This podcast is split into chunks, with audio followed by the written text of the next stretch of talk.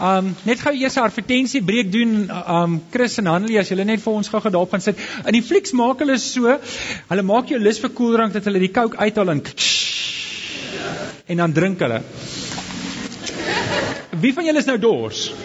Okay, so jy kan 'n koeldrankie kry oor kan die pad. Dink julle nie dis oulik nie?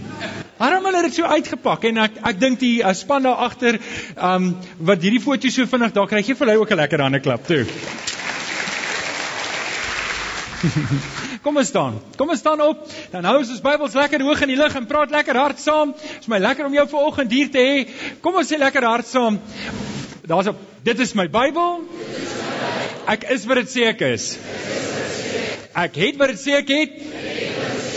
Ek kan doen wat dit sê ek kan doen. Met my mond bely ek met my hart glo ek dat Jesus die Here is. Amen. Amen. Baie dankie. Jy kan vanoggend jou Bybel oopmaak. En uh, ek gaan jou baie tyd en energie spaar by Genesis 1. En uh, ons gaan 'n paar verse lees vanaf vers 26. Genesis 1 vanaf vers 26.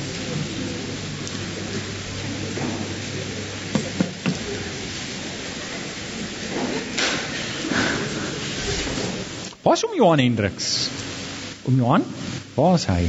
Hy sit daar agter. Hy hy word vandag 70. Baie geluk. Geef hom 'n lekker hande klap.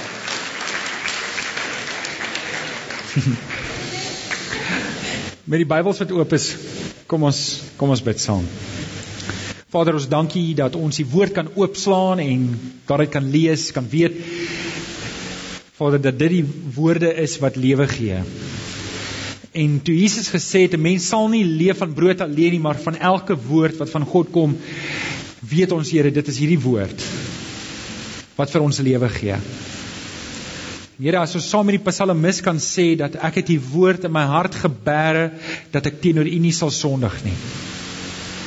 Dan is dit ons begeerte en ons behoefte vir oggend, Here, dat U deur die woord in elkeen van ons harte sal werk, dat ons die dinge sal verstaan waarop dit regtig neerkom en ons lewens daarvolgens sal rig, Here. Ons dankie dat ons vanoggend weer ons Bybels kan oopmaak en mekaar kan uitdaag. Ons dankie en ons bid dit in Jesus naam. En die kinders van die Here sê: Amen. Amen. Ons is in die derde week van ons reeks wat ons noem hoe om die beste te maak van hierdie lewe. En uh, ons het laasweek spesifiek gekyk na ene wat sê hoe om die tong of dan die pen te tem. En as jy dit gemis het, kan jy dit gerus op die internet gaan luister. Die boodskappe word opgeneem en is daar. Nou, ons het by die eerste deel met die kruisieveldtog is ons mekaar die vers aangehaal in 1 Petrus 3 vers 10 wat sê, daar staan geskrywe, as iemand die lewe liefhet en 'n lang lewe begeer om die goeie te geniet, moet hy punt punt punt punt. En ons praat oor daai, wat is die dinge wat ons moet doen om die beste te maak van hierdie lewe? Die Here het vir ons 'n geskenk gegee. Hy het vir elkeen van ons wat hier sit, seker hoeveelheid lewensjare gegee wat ons kan leef. En wat ek en jy moet verstaan is, is dat dis 'n geskenk van die Here. Nou eendag gaan hy ons roep en dis 'n feit almal van ons wat hier sit as die Here Jesus nie kom nie gaan sterf. Niemand sê amen daarop nie, nê. Um, maar dis 'n feit. Almal van ons as die Here nie kom nie gaan doodgaan. OK? Um want as ons kyk na die geskiedenis dan is daar 'n 100% uitvalsyfer dat almal wat voor ons geleef het en nie meer leef nie, behalwe vir uitsluiting vir 1, 2 of 3 wat opgevaar het na die hemel, selfs Jesus het gaan almal van ons sterf as die um, as ons kyk na die verlede. So, maar ons praat nou nie daaroor nie. Dan gaan ons by die Here wees. Wat doen ons met hierdie 80 of hierdie 90 jaar wat die Here vir ons gegee het? En Petrus sê dit so mooi. Hy sê hy sê dit as 'n kompliment. Hy sê dit asof dit reg is. As iemand hierdie lewe liefhet, so ons moet hierdie lewe lief hê. As iemand 'n lang lewe begeer, daar's niks fout daarmee om 'n lang lewe te begeer en om die goeie te geniet nie, maar ek moet dit doen binne die raamwerk van die woord van die Here. Stem julle saam? Amen. Amen. So okay, ons gaan vandag aan na die volgende deel toe.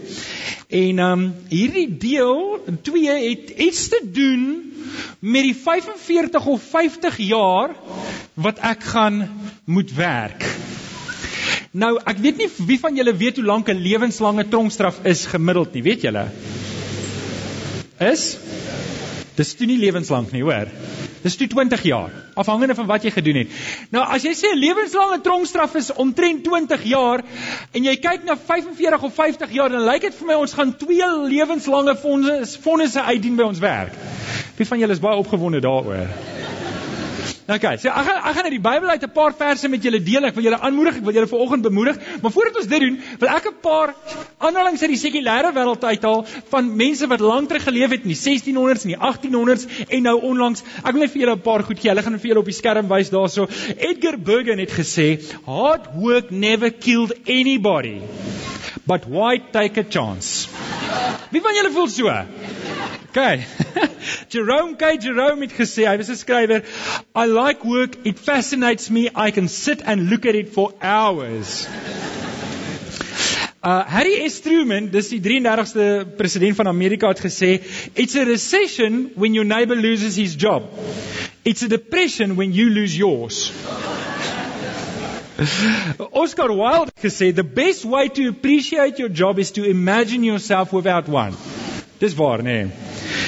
Nog so twee. Charles Lamb het gesê, I always arrive late at office, but I make up for it by leaving early. Al daai net probeer.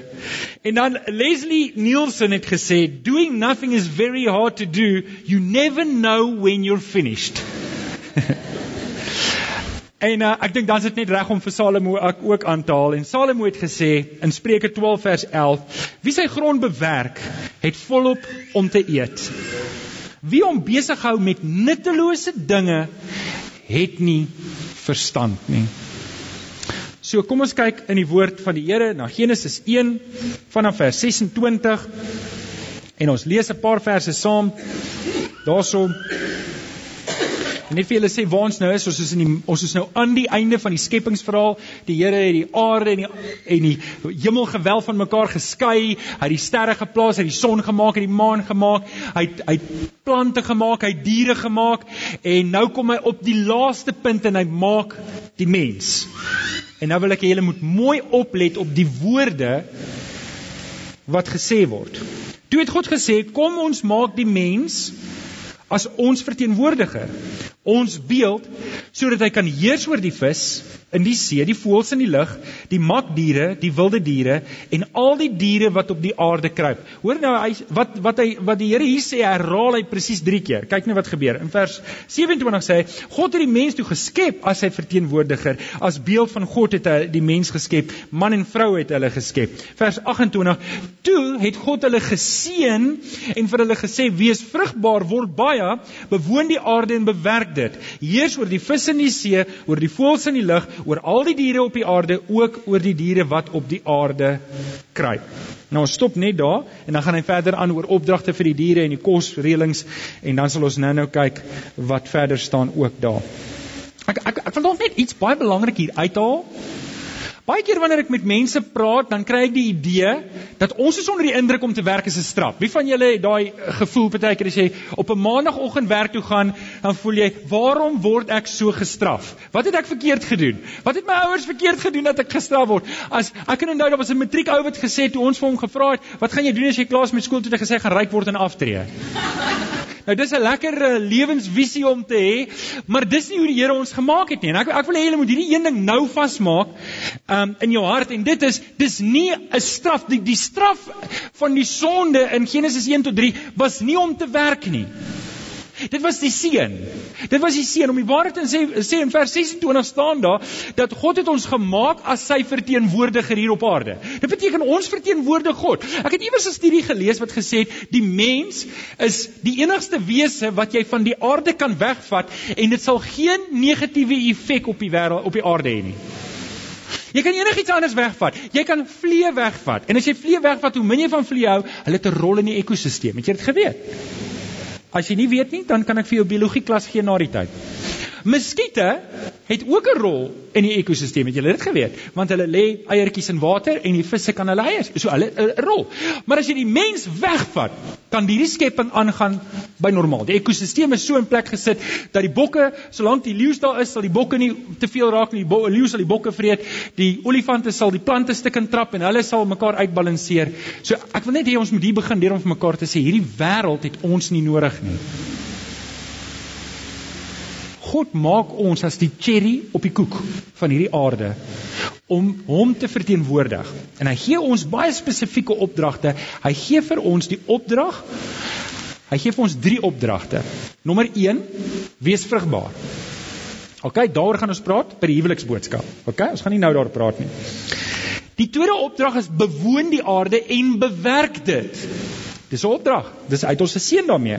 En die derde opdrag heers oor die visse op die aarde. So ons het 'n baie direkte opdrag. God het ons geseën met die intensie en die doel om op hierdie aarde te werk. So die natuurlikste ding wat ek en jy kan doen hier op aarde is om ons hande te gebruik om te werk. Het jy geweet dis die eerste roeping wat die mens kry? Dis die eerste roeping wat die mens kry om te werk? Sê gou vir die ou langs aan jy's veronderstel om te werk. Jy is veronderstel om te werk. Die Here het jou gemaak om te werk. As as jy nie werk nie, dan is daar 'n leemte in jou lewe. En ons noem dit iets om werkloos te wees. En dis nie lekker om werkloos te wees nie. Niemand van ons wil niks doen nie. Who begs to defer? Wil net sien. Moenie jou hande opsteek nie. okay, so ek wil ek wil met jou praat oor hoe ons hierdie hierdie 45 50 jaar wat die Here vir ons op die aarde gegee het, die beste van kan maak. So ek gaan vir julle vyf praktiese wenke gee wat ek en jy kan toepas in elke dag se lewe wat Bybels is. Kom uit die skrif uit en dit gaan vir jou help om die beste te maak van jou werk wat vir jou voorlê. Okay, is hulle gereed hiervoor? Is hulle reg hiervoor? Sê mm. Okay, so nommer 1. Aanvaar verantwoordelikheid vir jou werk. Genesis 1 vers 28 nou net gelees. Toe het God hulle geseën en vir hulle gesê: "Wees vrugbaar, word baie, bewoon die aarde, bewerk dit, heers oor die diere." So, as dit ons roeping is, dan moet ek verantwoordelikheid aanvaar daarvoor. Dis wat die Here my gemaak het om te doen, ek gaan dit doen. Nou, ek weet nie van julle nie, maar ek sien dat dat selfs die afgetrede mense in ons gemeente werk hard. Elke keer as iemand vir my sê hulle gaan aftree, dan sê ek opgewonde want dan dink ek ek kan hulle hijack vir die kerk. Want ek het baie werk wat rond lê vir afgetrede mense. En um, nou sien ek dit by oom Mike en by oom Pieter en ek sien dit nou die het Andrei Nel. Waar is Andrei Nel? Toe hy aftree, het ek so gehoop hy gaan vir my kom help by die kerkkantoor, maar hy is so besig gekry nooit tyd om hom eers te sien nie. En en so sien ek dat waar waar is die mense wat afgetree is, wat nie so afgetree is nie. Steek gou op Jan, ek wil net gou sien. Waar is almal wat nie meer werk vir die werke waar hulle gewerk het nie? Hier's 'n paar. Werk julle nog hard? Wanneer ek wanneer ek met hulle praat, dan kry ek 'n idee hulle, hulle werk nou eers. Hulle het gedink hulle het gewerk toe hulle gewerk het, maar hulle en en die rede daarvoor is eintlik baie eenvoudig, want ons is nie gemaak om ledig rond te sit en niks te doen nie. Die Here het ons nie so gemaak nie. Ons wil iets doen. Ons wil produktief wees. Die Here het in ons ingewire en dis dis 'n groot verskil tussen en ek sê dit nou versigtig om ambisieus te wees en om gierig te wees. Daar daar daar's 'n groot verskil. En en wanneer ons kyk soos byvoorbeeld by die toring van Babel, die probleem was nie dat hulle 'n toring bou nie, die probleem was hulle gesindheid in hulle hart. Hulle wou by God uitkom sodat hulle trots kan wees en kan sê, "Tada, kyk wat het ons bereik." En dis 'n fout. Maar om vorentoe te wil gaan in die lewe en om en om die goeie te geniet soos wat Petrus sê, daar's niks fout daarmee as ons dit doen binne die raamwerk van die skrif nie. So wat ek moet doen is, die eerste belangrike ding wat ek moet doen is, ek moet aanvaar ek het 'n verantwoordelikheid, 'n roeping om te werk. Miskien kan ek net 'n kantlyn nota sit voordat ons na nommer 2 toe gaan. Die straf was dat die werk ietwat moeiliker gaan wees. Die van julle wat Genesis al klaar gelees het. So, daar gaan probleme kom. Maar die die straf is nie die werk self nie. En ek wil jou vanoggend mooi kom uitdaag om anders te kyk na jou werk. Om dit te sien as 'n Godgegewe roeping. Nou iets wat ek nie in my notas het nie, wat ek dalk net wil noem, want ons gaan dalk later daarby uitkom en dit is solank jou werk wettig is, doen dit met ywer. Maar as jou werk onwettig is, kry jy ander werk gou. OK. Right, so dit was wenk nommer 1. Kom ons gaan aan na wenk nommer 2 toe. So, hoe gaan ek die beste maak van 45 50 jaar se werk hier op aarde? Gaan dit maklik wees? Waarskynlik nie. Want dan was dit nie werk nie. Dis werk omdat dit juis 'n bietjie moeilik is en 'n bietjie uitdagend is en en ek weet nie wie van julle het al by 'n werk gewerk wat vervelig was nie. Wie van julle het al gewerk by 'n werk wat vervelig was? Ek het ek het in 'n boekwinkel gewerk en my werk was om boeke op die rak te sit. Weet julle hoe vervelig was dit? Ek het dood moeg in die aande by die huis gekom. Dit het my glad nie gestimuleer nie. Dit was geen excitement. Daar was niks wat my daartoe getrek het nie. Um ek is bly ek het opgehou met daai werk. Oeh. Okay. Nou, nommer 2. Doen jou werk vir die Here. Doen jou werk vir die Here. Baie van die verse wat ek nou vir julle gaan lees het te doen met slawe. Wie van julle voel baie keer soos 'n slaaf by die werk? OK, so die res van julle werk lekker. OK. Werk vir julleself. So die van julle wat voel so slawe, ek gaan nou vir julle praat. Ek vat die slawe vers en ek maak dit van toepassing van julle op almal van julle wat werk. Ek wil net kyk, wie van julle is iewers besig om te werk? Is dit nou vir geld is of dit vrywillig is of iets? Selfs die kleintjies, dis kinderarbeid is onwettig in Suid-Afrika, nê? Nee? Ek wil net dit sê daar vir die ma wat daar sit. Sê weer? Skool. O. Gou, sê niks. Nee, jy werk hard, seun. Jy werk, jy gaan dit ver bring. So doen jou werk vir die Here. Kolossense 3 vers 23 sê, wat julle ook al doen, doen dit van harte soos vir die Here en nie vir mense nie. En ek wil hê julle moet daai ding mooi hoor, doen dit met harte vir die Here, nie soos vir mense nie. Omdat julle weet dat die Here as beloon dat julle van die Here as beloning sal kry wat hy beloof het. Christus is die Here in wie se diens julle staan. Paulus praat met slawe. Nou julle slawe het nie 'n baie lekker werk gehad nie. Slawe was soos besittings in die huis. Nou julle ons ken nie slawerny nie, want ons betaal vir al ons arbeid. Alhoewel ons in Suid-Afrika maar min betaal vir arbeid. Ek weet ons dink nie altyd so nie, maar arbeid is relatief goedkoop. Maar in daai tyd kon jy 'n slaaf koop en is dis joune. Solank jy hom kos gee, kan hy vir jou werk amper soos jou kar wat jy petrol ingooi, solank hy petrol in kan hy ry. En en en en die slawe wat tot bekering gekom het, het half opstandig geword want hulle het gevoel hulle is nou vry in Christus. Maar baie van hulle eienaars was nie gelowiges nie. En en dit het gebeur dat baie van hierdie slawe rebels geraak het teenoor hulle eienaars en hulle wou wegloop. Hulle wou wegloop en en en uh, ons lees in Filemon ook van 'n slaaf wat weggeloop het gesê maar ek is nou vry in Christus. Ek is nie meer 'n slaaf nie. En julle ouens, ons is nie meer slawe nie. Ons is nie meer slawe van sonde nie. Maar wat Paulus doen is, Paulus spreek hulle aan en sê: "Ouens, dit wat julle nou doen is teen die wette van die land. Ons kan nie so optree nie. Julle moet nog steeds julle werk doen." En hy gee praktiese werk vir hulle. Hy sê: "Slawe, luister mooi. Moenie jou werk doen om jou aardse eienaar tevrede te stel nie. Doen dit met harte asof dit vir die Here is." Nou julle kan hoor waar gaan ek met hierdie ding, nê? Nee. Um Vers 24 sê verder: "Omdat julle weet dat julle van die Here julle beloning sal ontvang. Nou hy sê nie wat die beloning is nie. Efesiërs 6 vers 7 praat verder. Al is julle slawe, doen julle werk met lus soos vir die Here. Hoor julle daar's 'n tema wat deurgaan. Wat dink jy sal gebeur? Dink gou aan jou werk. Wat doen jy nou? Dink aan jou werk. As jy 'n besigheidsman, dink aan jou besigheid. Is jy Ek wil nou nie werke begin noem nie. Nou nou kom ek in die moeilikheid. Maar dink gou aan jou werk. Wat is dit wat jy doen? Wat sal gebeur as jy môre instap by jou werk en sê ek het van nou af 'n nuwe CEO? Dis die Here Jesus. Wat dink jy gaan gebeur in die manier hoe jy jou werk doen? Verbeel jouself, jy stap môre by jou werk in en alles wat jy doen, doen jy dit asof jy dit vir die Here Jesus doen. Sal daar 'n verskil wees? Sal daar 'n verskil wees in jou houding? OK? Verbeel jouself, hoe sal jy die werkspolitiek sien as jy sê, "Maar dit wat ek doen, doen ek vir die Here. Ek doen dit in elk geval nie vir mense nie." Gaan die werkspolitiek jou so baie nog pla? OK. Nou, kom ek vat nog een verder. Want sien julle, ek ek het ook vir 'n paar basse gewerk in my lewe. Ek het nie net by die kerk gewerk nie. Nou werk ek vir baie basse. En en ek weet hoe dit is om baie keer onder 'n baas te werk wat nie redelik is nie. 'n Ou wat op jou vloek en skel. Ek het daar gewerk. Ek het waar die ou inkom en ek weet nie, dit was maar net sy ding. Hy vloek en skel op almal en en ek moes dit vat. Ek het vir Cash Crusaders gewerk en uh, dit was harde werk daai, hoor. Jy moet die hele dag sê, daar was 'n reël, jy mag nie sit nie. Kan jy nou dink jy moet vir daai 8 ure wat jy werk moet jy staan? As die baas wegkyk, gaan staan jy teen die muur. Hou die muur reg op. maar as jy dit anders doen, as jy dit doen want jy doen dit vir die Here Ek het 'n roeping voor die Here om my aardse werk te doen en ek gaan dit doen nie om mense tevrede te stel nie, maar om die Here tevrede te stel. Weet jy wat gebeur? Dit raak jou gemoedstoestand aan. Want skielik loop ek nie meer, ag, ek gaan nou werk en ek haat my werk en ek haat die mense by die werk en ek haat die baas en ek en en dis baie keer waarna ons verval. Ek weet ek stel dit nou dalk kras, maar dis baie keer waarna ons verval. Ek ek ek, ek wens my lewe om en ouens, as ons vir 50 jaar gaan werk, Ons kan beter maak daarvan. Ons kan beter maak daarvan voor die Here. As ek dit vir die Here doen, dan gaan ek 'n paar goed verander. En dis die uitdaging. En ek hoop julle kom volgende week terug. Sal jy die Here se tyd mors as die Here vir jou tyd gee? Sal jy die Here se geld mors as hy vir jou geld gee? Sou jy die Here se geld probeer steel as jy die geleentheid kon kry? OK? Maar as ek dan my werk doen vir die Here, dan beteken dit die tyd wat ek werk, moet ek my beste gee want dit behoort aan die Here. En ek mag nie die goed vat wat nie aan my behoort nie, want dis nie reg voor die Here nie.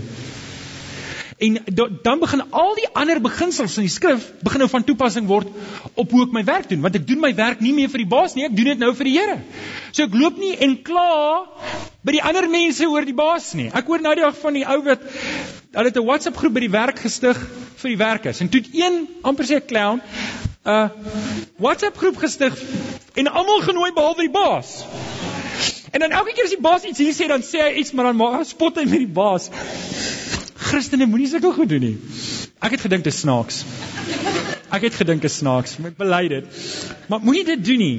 Die Here sal jou beloon. Okay, so doen jou werk vir die Here. Dis nommer 1. Aanvaar verantwoordelikheid vir jou werk. Dis vir die Here vir jou gegee. Hy het jou geroep om te werk. Hy het jou geroep om iets te doen met jou hande en jou verstand en dit bring die Here geen eer as ek in jou hande gevou sit en ek weet nie tolletjie brei doen by die huis nie. Tolletjie brei is niks fout mee nie. Ek weet nie wie van julle doen tolletjie brei. Maar ek is veronderstel om iets te doen met my lewe. Die Here het my geroep daarvoor. Is goed om te werk, is mooi om te werk, is reg om te werk. En en en so en ek moet net hierdie werk wat ek doen moet ek vir die Here doen. Dit moet my gesindheid wees, my hart. Beginsels in die skrif moet ek deurdra my werk. Dit bring ons by nommer 3. Wenk nommer 3. Leef jou geloof aktief uit by die werk. Natuurlik vloei dit uit hierin en julle sou dit kon sien. Maar ek wil 'n vers met julle deel wat eintlik by nommer 2 begin, maar hy spoel oor na nommer 3 toe. So as ons net die vers kan opsit en julle ek dink regtig ons klankmense daar agter doen wonderlike werk want ek kan op 'n sonoggend hier kom en vir hulle sê, "Het julle al so iets gedoen?" dan sê hulle nee, maar hulle dink dit is moontlik en dan doen hulle sulke goed. Dink julle is great nie? Dan wonder julle, julle kyk na halwe vers, maar julle gaan nou sien wat ek daarmee gaan doen. OK. So Titus 2 vers 9 tot 10. Nou ek praat met julle oor leef jou geloof aktief uit. Nou ek lees vir julle die vers, maar moet nog nie die woorde insit nie. Die vers sê die die die slawe moet in alles aan hulle eienaars onderdanig wees en hulle tevrede stel. Hulle moenie tee praat of iets vat nie. Hulle moenie hulle moet bewys dat hulle in alles betroubaar is. Dan sê die volgende deel van die vers en dis waarby ek wil uitkom, so sal hulle in alles wat hulle doen die aansien van die leer van God ons verlosser verhoog. Nou gaan nou iets meer daarop sê. Kom ons vul net eers in die blanks want dit van van nommer 2 af na nommer 3 toe. So, die slawe moet in alles aan hulle eienaars onderdanig wees. Nou ek het nou-nou vir julle gesê solank dit wettig is. OK? As jou baas van jou iets verwag wat onwettig is, dan moet jy die landswette gehoorsaam. So asseblief, as jou baas van jou iets verwag wat onwettig is, jy doen wat wettig is. En jy lei die klok en jy vat die jy vat die vervolging wat daarmee saamgaan as jy vervolg sou word. Maar kinders van die Here, bring nie eer aan die Here as hulle onwettige goed doen nie. En daarom ouens is dit belangrik dat ons moet kyk daarna. So die slawe moet in alles in hulle eienaars en dan sê die volgende woord onderdanig wees. Dis radikale woorde om te sê eintlik wat hier staan is Paulus sê vir die slawe, luister slawe, as jou baas jou opdrag doen, gee doen dit. Doen dit. As jou baas vir jou opdrag gee, doen dit. Moenie moenie met hom. Okay, kom ons kyk wat die volgende word. So, die slawe moet in alles in hulle eienaars onderdanig wees en hulle tevrede stel. Met ander woorde, dis nie net doen die job klaar nie, is ek moet kyk hoe gaan ek my werkgewer tevrede stel? Ek moet ek moet myself instel om te sê as ek hierdie werk vir die Here doen, dan moet ek my werkgewer tevrede stel. Hy moet tevrede wees met my werk. Wanneer by ons werk kom met ons baie keer twee opsies vir my baas. Ek gaan my werk doen en my baas het twee opsies: take it or leave it. Okay, so ek moet hulle tevrede stel. Hulle moenie te praat of iets vat nie. Dit is 'n baie interessant wat Paulus dit sê. Moenie te praat of iets vat nie. Uh, Daar's seker iemand wat iets gevat het, lang vingers gehad het daar by die werk en goed gevat het daar. Ek weet nie waar vat hy dit nie want hy behoort ook aan sy eienaar, maar in elk geval, so moenie te praat nie. Moenie beter weer terug wees nie. Moenie die hele tyd uh, weet uh, my my ma het gepraat van backchat en en my sussie was altyd cheeky. Ek hoor nie meer daai woorde nie. Dit is eintlik oulike woorde. So uh, jy, jy moenie te praat nie. Moenie iets vat wat nie jou behoort nie. Hulle moet bewys dat hulle in alles betroubaar is. En dan sê die res van die vers, dan sê die res van die vers, so sal hulle in alles wat hulle doen, die aansien van die leer van God ons verlosser verhoog. Dis hoe ek Christus uitleef by my werk. Kyk gou mooi, as ek nie in alles onderdanig is nie en ek stel nie my werkgewer tevrede nie en ek praat te en ek vat goed wat nie aan my behoort nie en ek is nie betroubaar nie, dan doen ek God oneer aan by my werk. Dis dis drastiese woorde, stem julle saam? So, dis 'n baie belangrike wenk hierdie leef jou geloof aktief uit by die werk beteken prakties dat ek my werk tot my beste van my vermoë gaan doen asof ek dit vir die Here doen, want dan gaan ander mense sien. Hoekom werk jy so hard? Dis al maandag vandag. Jy weet daar's twee twee dae in die week wat 'n mens nie hard werk nie. Dis maandag en Vrydag. Die ander dae werk jy in elk geval nie altyd so hard nie, maar daai twee dae werk jy. Ek ek jy nog 'n bouer gehad en hy staan daar by my en hy kyk 'n baksteen so en hy sê vir my, "Hierdie baksteen is gelê op 'n Vrydagmiddag." Ek vra, "Wat bedoel jy?" Hy vat die troffelkappe en poef, daar val hy uit. Dit was 'n bird gewees. Hy was daar by my. Ek kan dit nie glo nie. Daar's 'n verskil in hoe bakstene gelê word die res van die week tot op 'n Vrydagmiddag huis toe gaan tyd. Ek het gesien met my eie oë hoe bouers besig is om te bou en dan bou hulle en dan as dit huis toe gaan tyd is, hulle laat val daai troffel middel en die baksteen en dan gaan hulle huis toe.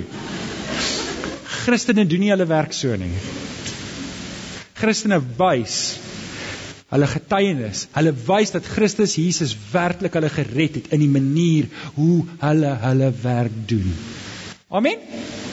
So, eh, ek moet vir julle eerlik wees. As ek so 'n slaaf gehad het, sou ek hom 'n verhoging gegee het.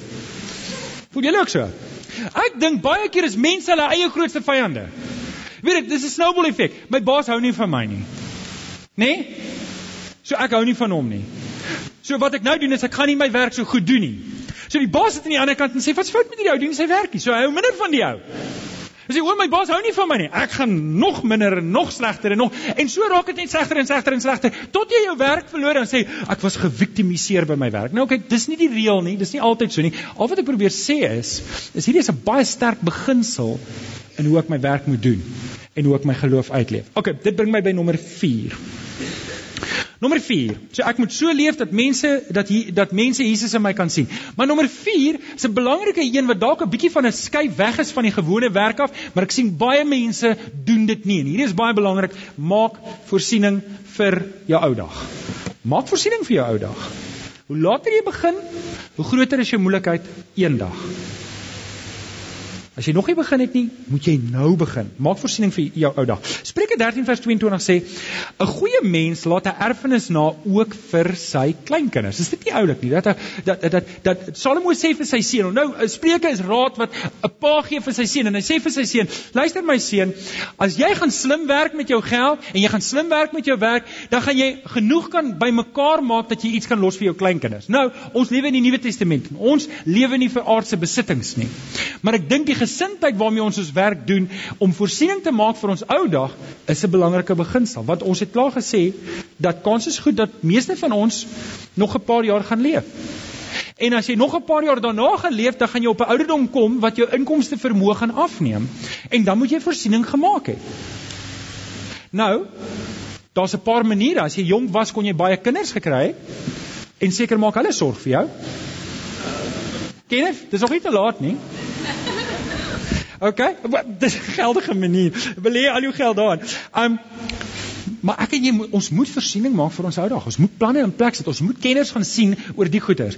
Nou ek weet Voordat ek daarby kom, kom ek lees eers vir julle Spreuke 6 vers 6 tot 8.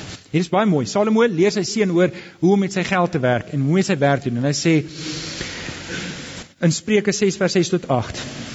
Gaan kyk na die muur. Hy sê die woord leier daarby. Sy gaan kyk na die muur, kyk hoe hy werk en leer by hom. So wat moet ons by hom leer? Nou gee hy twee, hy gee twee pertinente goed wat hy vir sy seun sê vanuit die muur, die les wat hy leer uit die muur. Hy kyk na die muur en is nogal iets om te weet dat koning Salomo gaan sit stil en hy hou die muur dop. Hy gaan sit en hou die muur dop en hy voel ek kan sien hoe Salomo in sy wysheid met sy mooi klere volg die muur en hy volg die muur en en baie keer is die muur alleen, baie keer is hulle 'n groep, maar hier loop die muur en hy werk. Hy kry kos en hy vat dit terug huis. Hy gaan kry nog kos en hy vat en, en, en, en, en hy let op. Hier sien ek iets van hierdie muur en hy sê, "Gaan kyk na die muur. Kyk hoe werk hy en leer by hom. Hy het nie 'n leier nie, hy het nie 'n opsigter of 'n regerder nie, tog maak hy sy kosvoorraad reg vir die somer, versamel hy sy voedsel in die oestyd." Gaan nou die muur dop. Hy maak, hy werk, hy werk, hy werk. Hy hy vat die kos, hy vat dit huis toe sodat wanneer die kos ophou, het hy genoeg opgebou as voorraad. Observasie nommer 1. Die muur, sê Salomo, hy het nie 'n leier wat agter hom aanloop en vir hom sê: Soos wat ons met ons kinders maak. Corneille, gaan tel jou handdoek op, dit lê op die vloer.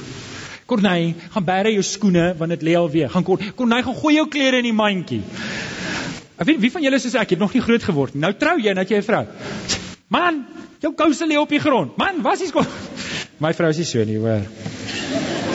Nie enigiets vir haar sê nie. Ek sal sê ek sal dit net omken.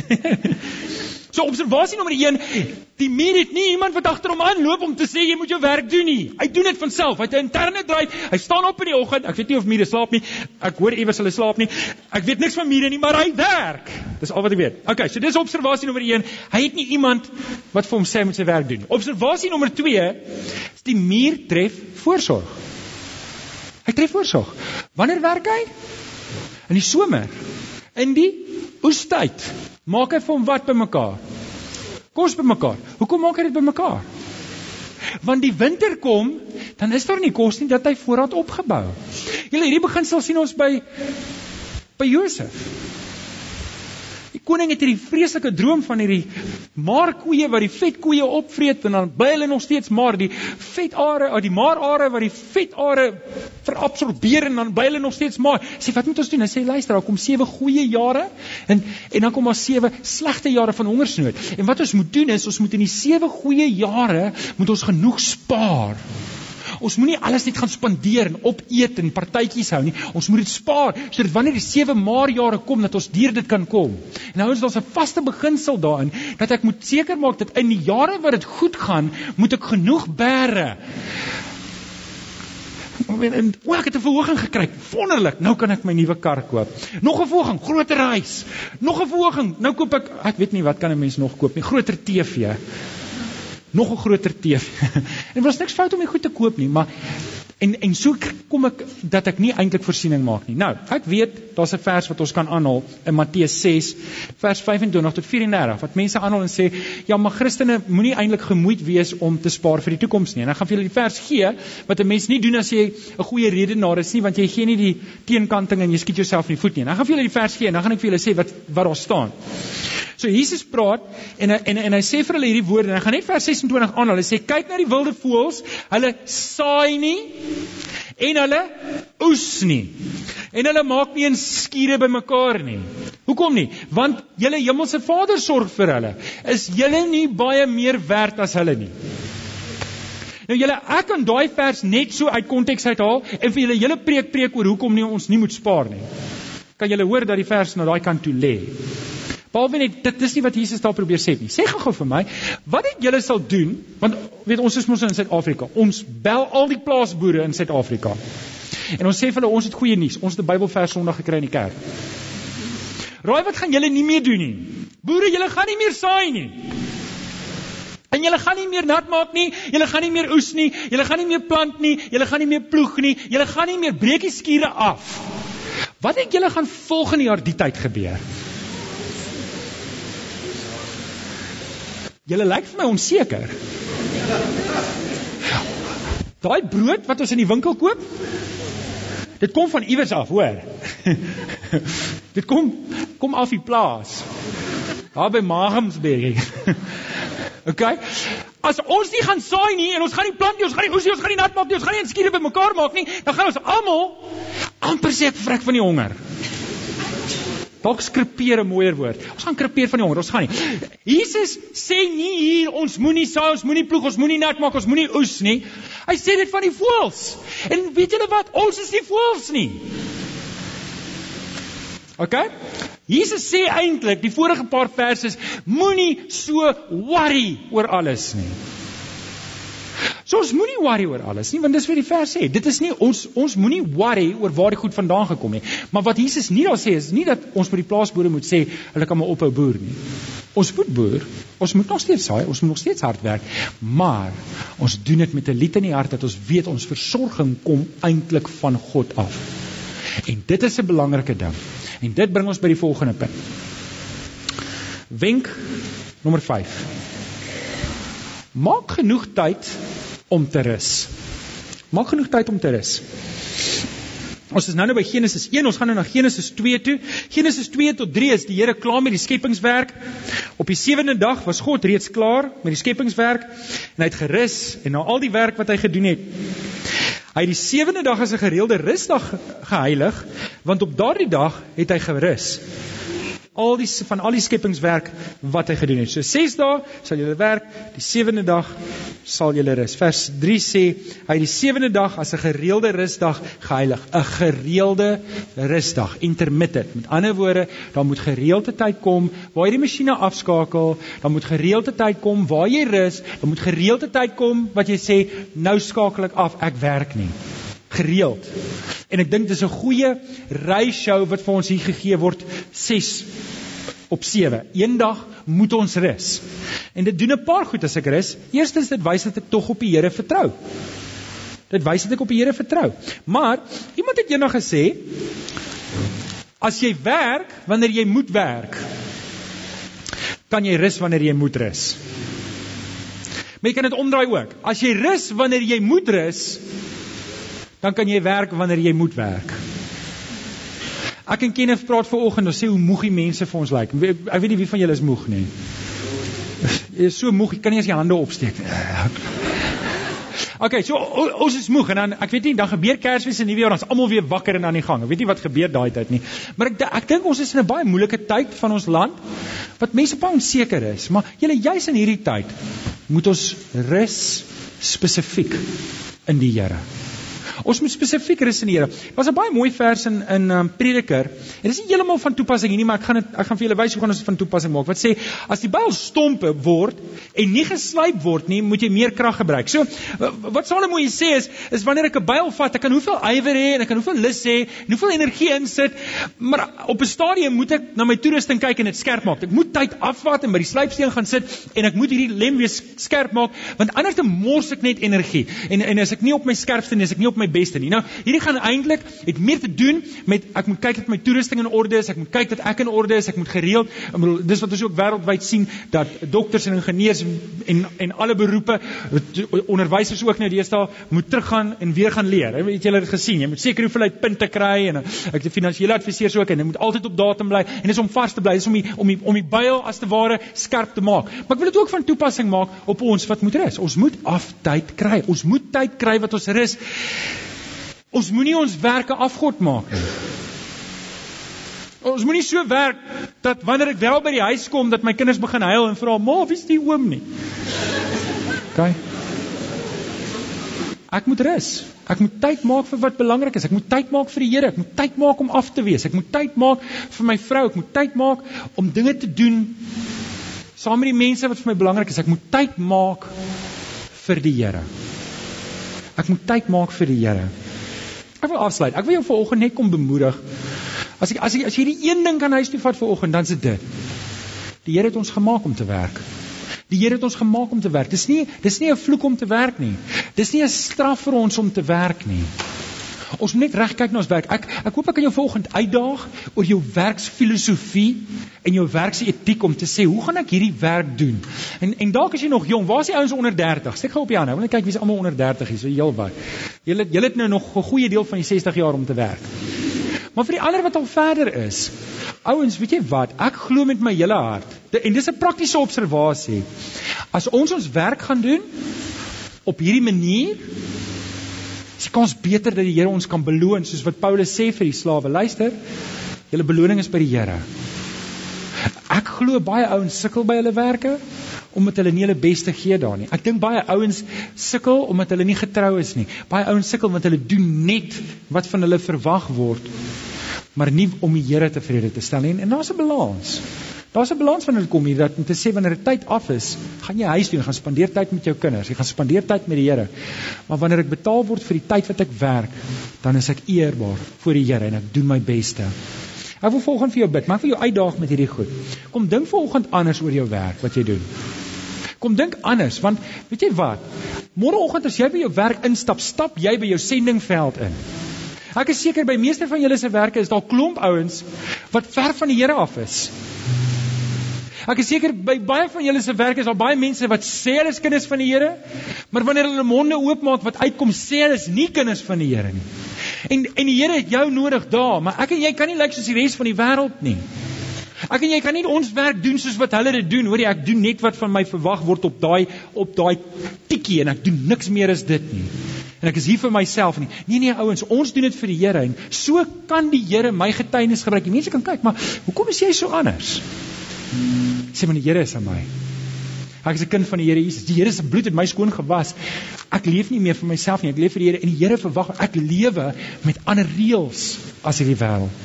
Ek hoop ek kan jou uitdaag met dit om te sê Here, ek wil my bes gee by die werk want ek weet hoe ek my werk doen. Mense hou my dop. Mense hou my dop. Ja, ek en jy dink nie mense hou ons dop nie.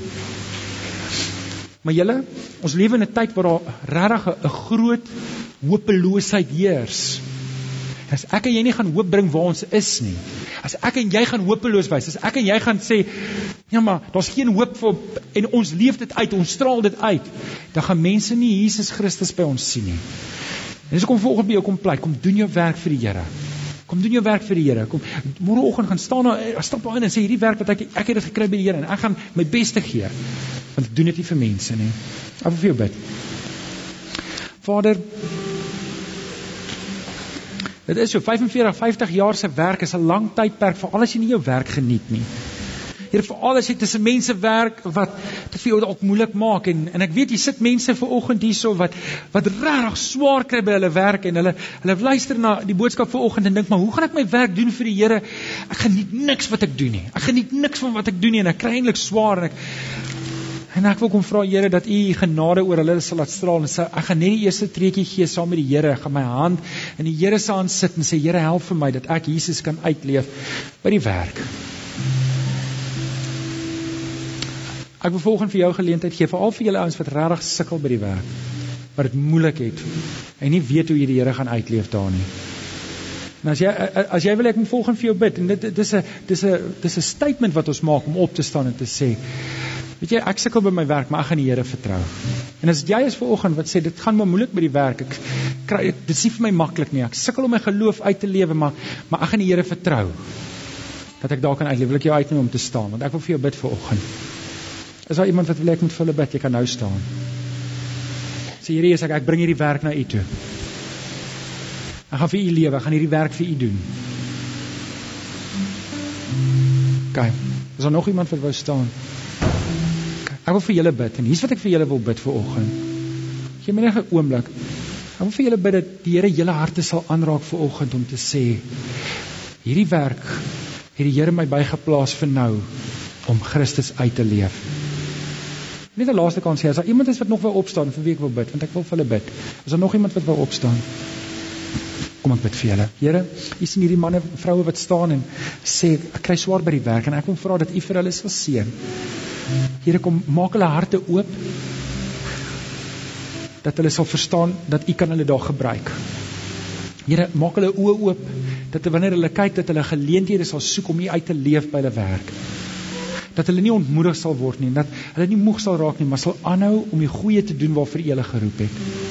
En Here dat wanneer hulle hulle beste gegee het, dat hulle by die huis sal kom en hulle werk by die werk sal los en in U sal rus.